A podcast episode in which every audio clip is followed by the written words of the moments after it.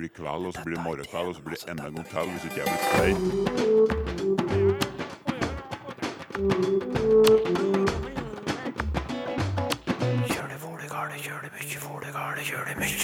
Hvem var den første som havna med skjegget i postkassa, mon tru? Det er en teori som sier at eh, det skal være inspirert av et eh, sagn om eh, Holger Danske, som sitter på Kronborg slott og venter på å frelse sitt fedreland. Her har han sittet så lenge at skjegget er grodd fast til bordplaten. Og vi har fått vårt første oversetterleksikon.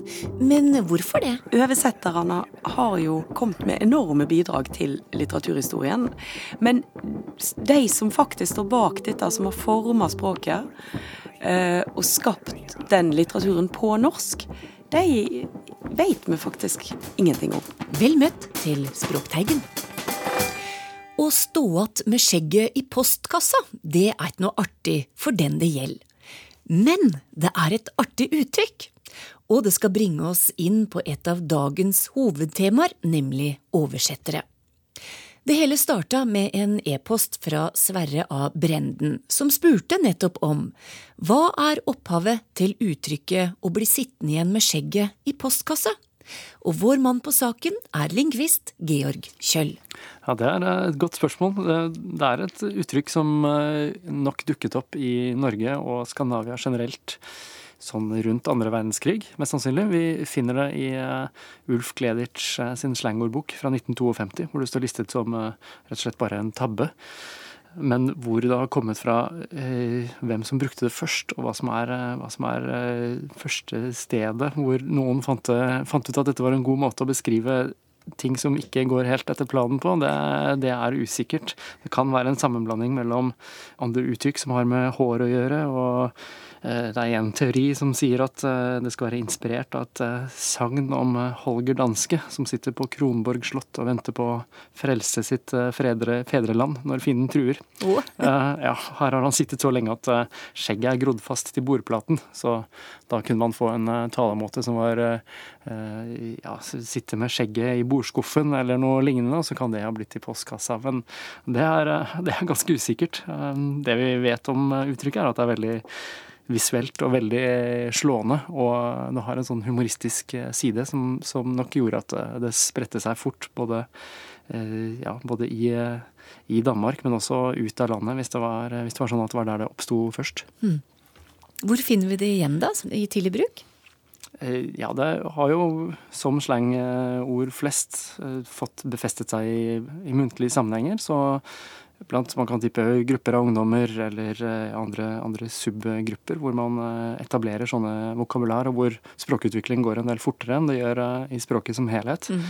Så eh, da har det også spredt seg til skriftspråket etter hvert. da. I, i Ulf Gleditsch sin slangordbok så var det allerede i 52, eh, men vi ser bare noen få år etterpå at det dukker opp i bøker, i, typisk i litt sånn ungdomsromaner og serieromaner, og det fikk også, fikk også en plass i en VG-artikkel i 1948, så, eh, så det har liksom sneket seg inn i språket eh, rundt den tida, i skriftspråket rundt den tida, og så har det eh, skutt fart, da, fordi det har vært så utrolig morsomt og kreativt uttrykk.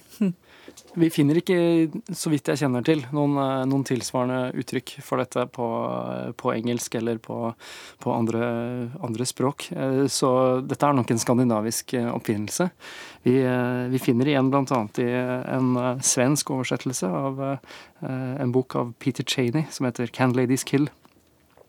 Eh, hvor eh, jeg ikke har klart å få tak i originalutgaven, så jeg vet ikke hva det, hva det engelske uttrykket er. Men vi ser i en tidligere norsk oversettelse at eh, her er det snakk om eh, ikke noen som sitter med skjegget i postkassa, men heller noen som skværer opp med en kule. eh, som, eh, som en ja, som et eh, potensielt resultat av en, av en uenighet.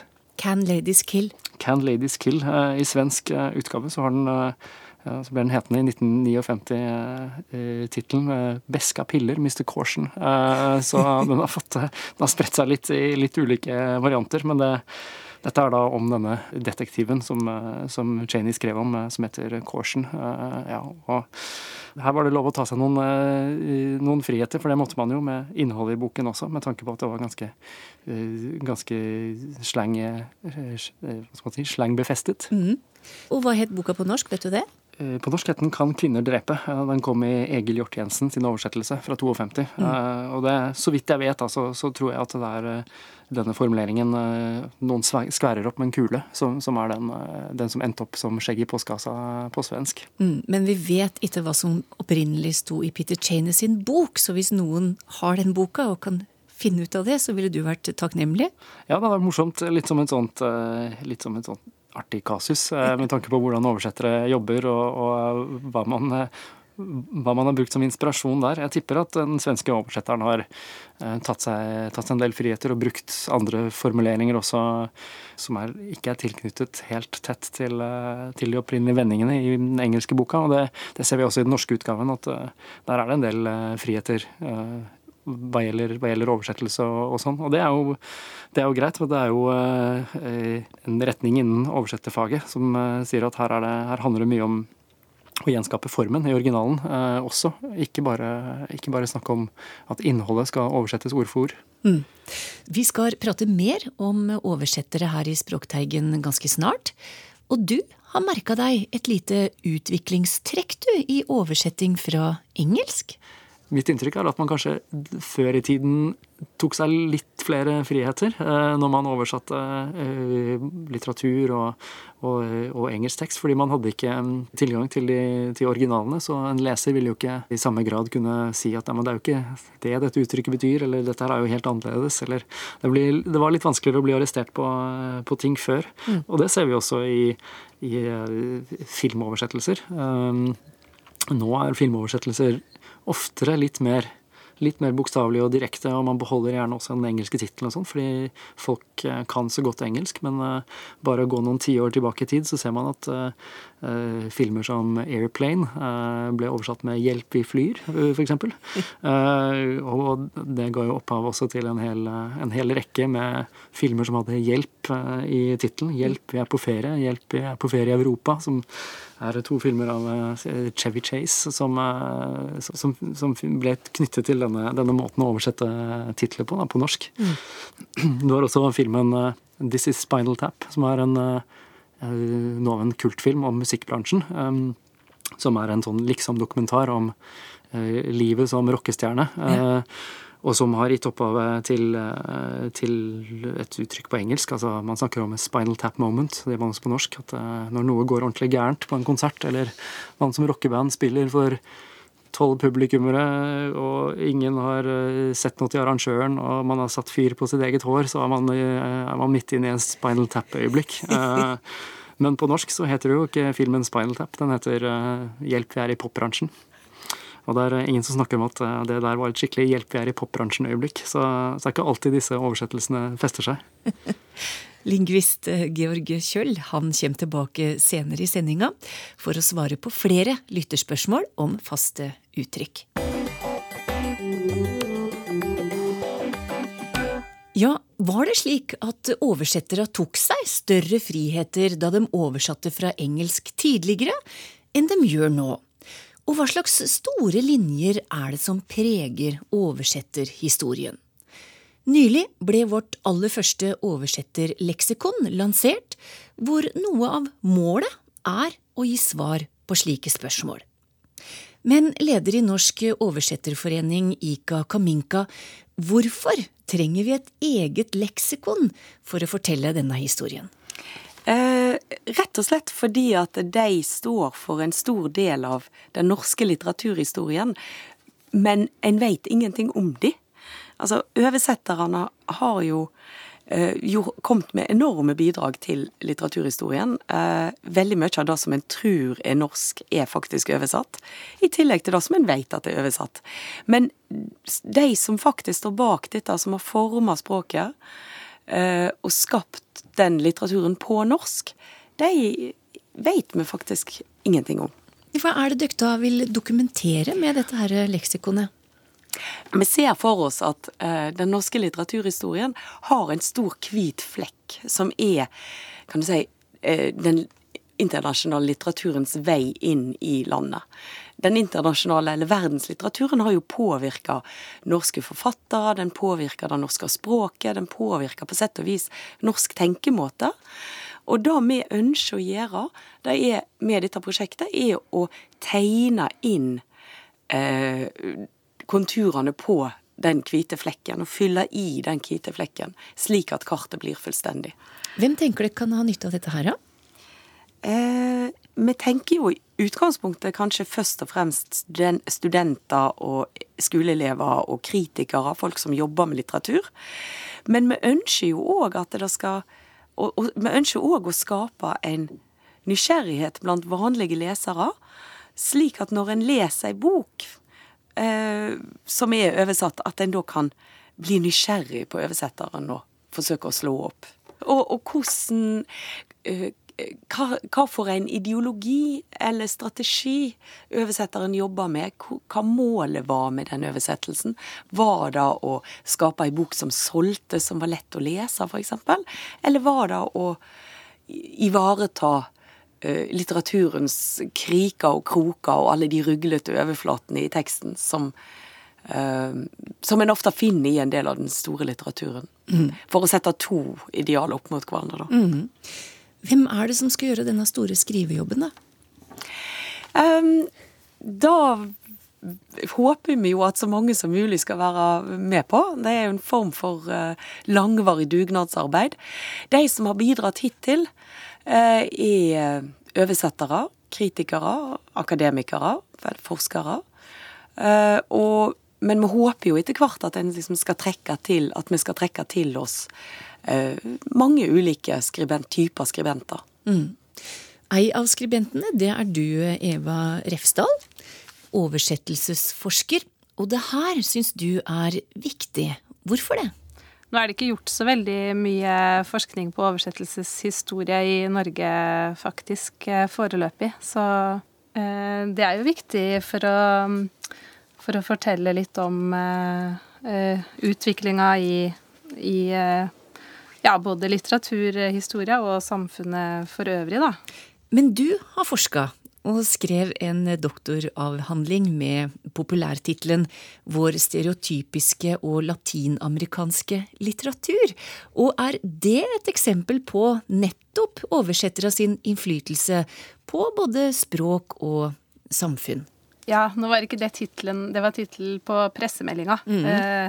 ja. den, er, den, er, skrevet på, på engelsk. Eh, men, eh, men, ja, absolutt. Og det jeg så på i min avhandling, var jo hvordan man gjorde valg, oversettelsesvalg, som, som underbygga stereotypiske framstillinger av, av de kildetekstene og kildekulturene som de norske oversettelsene var oversatt eh, fra. På hvilken måte da? Ja, nei, De eh, klareste tendensene nå, nå, var jeg interessert i kjønn, og hvordan kjønn blei framstilt. Og ja, et eksempel er jo at, eh, at de mannlige karakterene i romanene eh, framsto som mer maskuline, mer stereotypiske macho, da, ja. i, eh, i, de norske oversettelsene enn i, enn i utgangstekstene. Eh, mens eh, kvinnelige karakterer eh, gjerne blei litt eh, mer passive, mer eh, forsiktige. de banna ikke i like stor grad i oversettelsene som i, i utgangstekstene. Hvilken tidsepoke snakker vi om nå? Da snakker vi om 1960-tallet, mm. som var da latinamerikansk litteratur for alvor eh, fikk sin eh, inntreden da, i, eh, i, resten av verden. Mm. Men var det et utslag av tidsånden, eller var dette noe som òg prega oversetting fra andre land? Mm, da er et ja. stort spørsmål. ja. Og jeg tenker at da er et, sånt, et spørsmål som en egentlig ikke helt kan svare på før dette leksikonet er blitt har vokst seg større. Så du kan sammenligne? Sånn at en kan se at en har mer informasjon. Altså, fordi at hele poenget med dette prosjektet er jo at det fins så lite systematisert informasjon om uh, oversettelse. Mm. Og, og, da å få den systematisert, og få, skrav, få skravert inn eller få tegne inn uh, tegna kartet, er en del av den jobben. Sånn at en kan få studenter og forskere som kan skrive den historien på 2020-tallet. Mm. Jeg så jo også på de svenske og de danske oversettelsene av de samme originaltekstene. og det var mindre tendenser der til til den stereotypiseringa som jeg fant i de norske. Akkurat, Så da forholdt svenske, danske og norske oversettere seg forskjellig til det materialet? Til en viss grad, ja. Mm. Og dette her vil vi kanskje òg kunne lære mer om, uh, Ika? På sikt så skal en absolutt uh, kunne gjøre det, ja. Mm. For det finnes vel allerede et svensk oversetterleksikon? Ja, og da, jo, da, må vi jo ærlig innrømme at vi har uh, rappa ideen fra svenskene, som ja. så mye i norske, det norske samfunnet. Så de ligger langt foran oss. Og vi har jo også uh, adoptert deres struktur i, for leksikonet. Mm.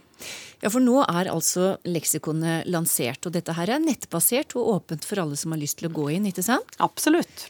Men, nei, www.oversetterleksikon.no. Men fortsatt så er det da, som du sier, fryktelig langt fram. Så hvor langt perspektiv har dere på dette her? Eh, vi har et mål om at i 2023 så skal vi ha kommet à jour. Og det betyr at vi skal ha klart å dekke eh, alle de sentrale oversetterne mm. i norsk historie. Og da er det snakk om avdøde oversettere foreløpig. Mm. Det er altså langt fram, men det er iallfall lansert. Takk til dere begge, leder i Norsk oversetterforening Ika Kaminka og oversettelsesforsker Eva Refstad.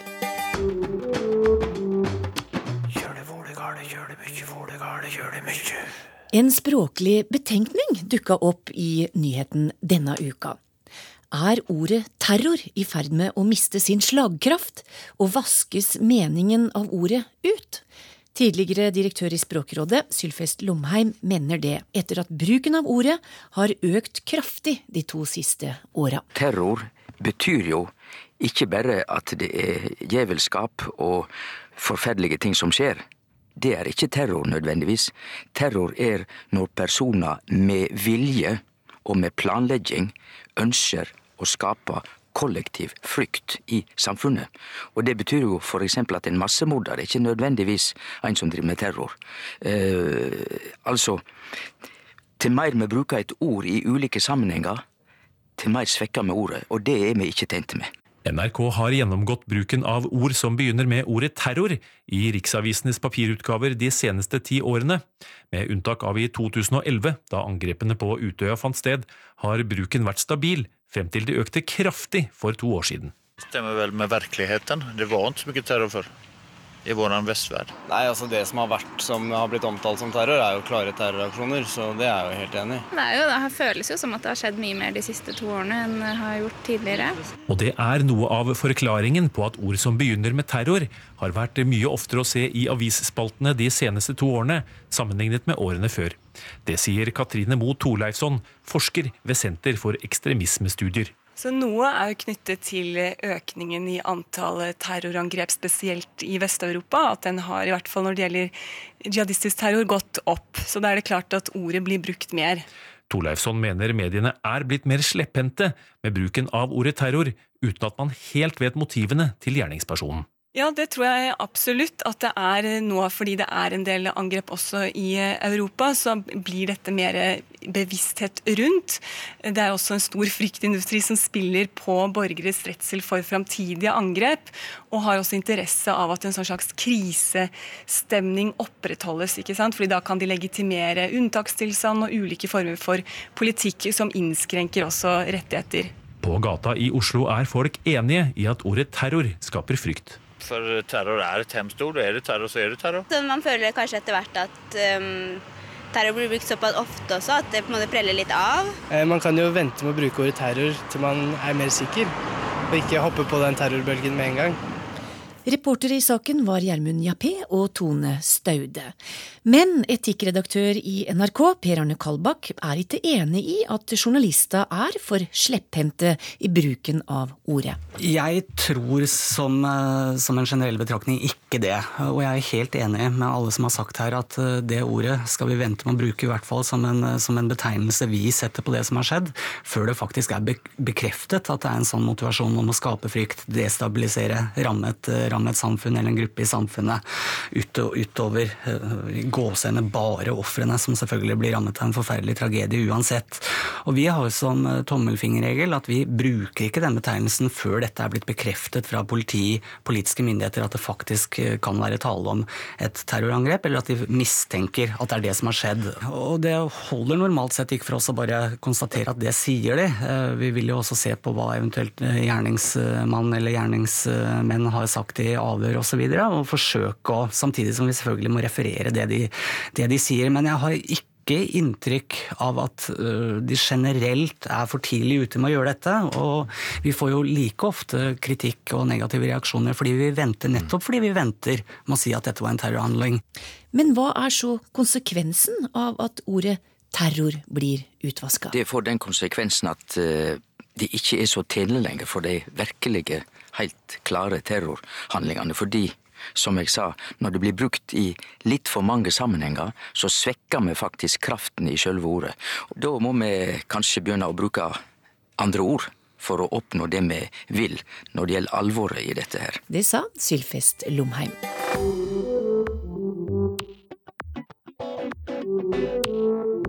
Da er Georg Kjøll tilbake for å svare på flere spørsmål om faste uttrykk, og det første kommer fra Sekk-O med Seko. Hva kommer uttrykket 'å gi noen på båten' av?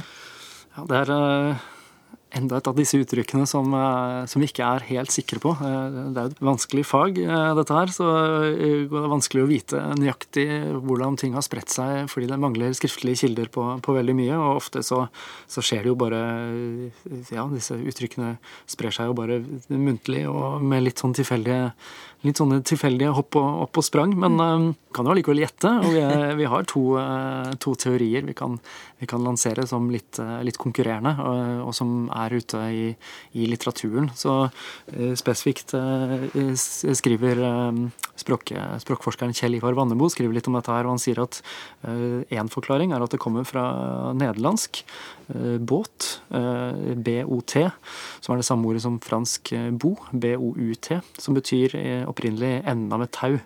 Mm. Eller i moderne fransk så brukes det også om eh, ja, enden på en hvilken som helst gjenstand eller en hendelse eller noe sånt. Så du har filmen eh, for de som er glad i fransk nybølge, så har du filmen Abou du Souffle, som gjerne oversettes med 'Til siste åndedrag' på norsk. Oh. Hm. Og det ordet hm, på, på nederlandsk har gitt opphav til et engelsk ord som heter bite PIGHT, eh, som også ble brukt om, eh, ord, eller brukt om tau i sjøfarten. Men eh, som nå tilsvarer det vi kaller bukt, som man kan kjenne igjen som det samme ordet på norsk. Ja. Men, og vi snakker også om uttrykket 'å gi noen bukta av begge endene', ja. som, som antagelig kommer, kommer, herfra. Og det det uttrykket handler om, og det det betyr, er jo å gi opp noe eller la noe fare. Så da vil det være naturlig å tenke at man ga noen enden av tauet, og dermed så ga man dem fritt løp, og de kunne gjøre som de ville. Så tidligere, særlig knyttet til tidligere bruk, så snakker vi om å, å Eh, at dette betyr å eh, la noen få sin vilje, eller å gi slipp på, slipp på noe. Og så har det kanskje forandret seg litt over tid. Men så da, da kommer det egentlig fra det derre tauet, da? Det er den ene teorien? Det er den ene teorien. Eh, mens den andre teorien er en mer bokstavelig tolkning. At dette er dreid seg om en faktisk båt. Og at det kommer fra mer sånn ja, folke, folkeeventyr. Hvor man snakket om at man sendte noen på båten til det svenskene kalte for Blåkulla, eh, eller det vi på norsk kaller for Bloksberg. Ja. Eh, så man sendte dem eh, rake veien til, til et sted hvor, hvor, de møtte sitt endelikt, eller hvor, hvor man ikke hadde lyst til, å, lyst til, å, være. Så da snakker, om, da snakker, vi om, at dette her er et uttrykk hvor ja, man rett og slett setter noen bort på en båt og glemmer at de, glemmer de fins, og, og, de forsvinner, forsvinner vekk fra oss. Ja, For det, det, er det uttrykket betyr i dag? At ja, det er, det er, den betydningen det har fått nå de, i, i, moderne norsk. Eh, så det gjør det Jeg liker godt den første, første forklaringen om, om tauet, men, eh, og man kan godt tenke seg at disse forklaringene begge har vært brukt. Men en del av den forklaringen med, med båten eh, vil jo også innebære at, vi, at, at, en del av uttrykket har falt bort. Eh, og i um, Svenske Akademiens store ordbok mener at dette her egentlig dreier seg om et uttrykk som var 'sette noen på båten som går til helvete'. Det var det hele opprinnelige uttrykket. Mm. Så vi har tidligere snakket om uh, 'gå som katten rundt den varme grøten'. Ja. Uh, og det blir det samme fenomenet her, da, med en, uh, en, del av uttrykk som har falt bort. En såkalt ellipse. Og vi har endt opp med det moderne uttrykket som bare er 'gi noen på båten'. Hvor eller hva kommer uttrykket 'dann og vann' fra, spør Gudmund Engen. Dette uttrykket kommer fra, fra tysk. Eh, og man har den helt eh, tilsvarende eh, varianten 'dann und vann' på, på tysk, som betyr akkurat det samme. Og ja, her er det snakk om det tyske adverbet 'dann', som er den første, første leddet, som betyr så eller da, deretter, derpå eller dessuten. Mm. Uh, ja, så, uh, så man, kan, uh, man, kan, si 'ondt dan' som et spørsmål, og, og mene 'ja, hva så'? Mens vann er også et adverb, og, som betyr når. Så da får det betydningen da og når. Så jeg tar en dram i dann og vann er et uttrykk som har festet seg i en del viser og sånne type ting. og da snakker vi om at man, man tar, seg en, tar seg en liten tår innimellom. Her er det også, eh, ser det ut som de første, første brukstilfellene, i hvert fall i skrift, kommer fra, kommer fra oversettelser av tyske tekster. Um, det kan også ha vært eh, via språkkontakt eh, med, med, med tyskere, f.eks. Uh, Hanseaten i, i Bergen. Kanskje dette er litt, litt, nyere enn som så. Vi finner det bl.a. i en roman av Fritz Reuter. Um, oversatt av Holger Sinding i 1888, så snakker man om Eh, at eh, en eh, person kaster best som det er, et lite blikk innover markskillet, kikker gjennom gården og huset, og setter dann og vann en smule fart også i Jokum, som er en av personene i denne romanen. Så her er det, her er det en ren overføring fra, fra tysk. Opprinnelsen til, til vann er, som skrives med W på tysk er en helt annen enn den eh, norske vann og den tyske Wasser. Eh, så der er det bare tilfeldig at det er en eh, lydlikhet. Ja. Så dette ordet vann er jo avledet av et norrønt ord opprinnelig. Vatn.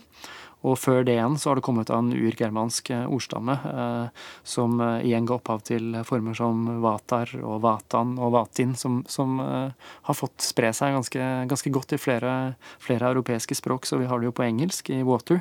Mm. Og i en hel haug østeuropeiske språk snakker man om voda som, som vann, så det, det, har vi igjen der. Men dann og vann det hender innimellom det blir brukt i, i ordspill og sånne ting. Eh, men eh, det har ikke noe med vann å gjøre.